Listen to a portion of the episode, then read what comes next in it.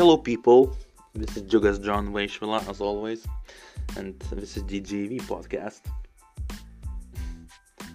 I hope you're doing well, and in today's podcast, I'll share my introduction in English. Because, funny fact, I started this podcast in Lithuanian language, and I don't know why. Because my first goal is to become an international marketing legend and my second goal is to document my journey of becoming the marketing legend. And i think it involves not only professional perspectives but personal ones also. So yeah that's my intro of this podcast in english. Uh, i hope you're doing I hope you will like it and I hope you will learn and say hi to me and you will exchange ideas with me.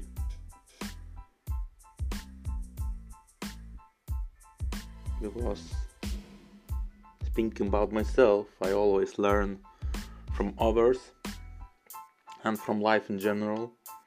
And I'm I feel very humble because humility is one of my value in life and in business. I feel like Keanu Reeves.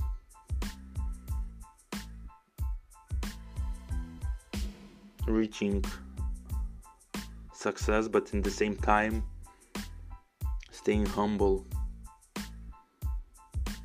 as much as possible. Yeah.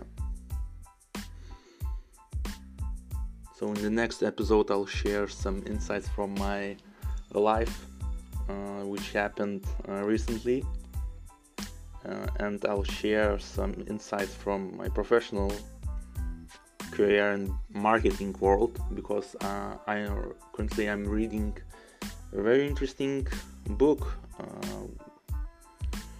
which is called Quantum Marketing, written by Rachu Rachamar. I cannot spell, I cannot pronounce Indian surnames correctly, so sorry in advance. But Quantum Marketing, you can find this book on Audible or Amazon. This is a very good book. Yeah. So yeah, just to sum up everything, and my in order to like in general to sum up my intro i have two goals with this podcast. First of all my goal is to document my journey of becoming marketing legend in lithuanian and scandinavian countries and the rest of the world. And second goal is just document my journey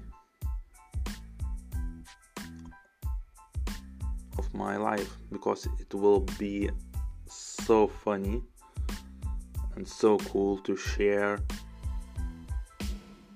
my journey with my grandkids, kids, family, and the rest of the people in this world. like Gary Vee mentioned, legacy over money.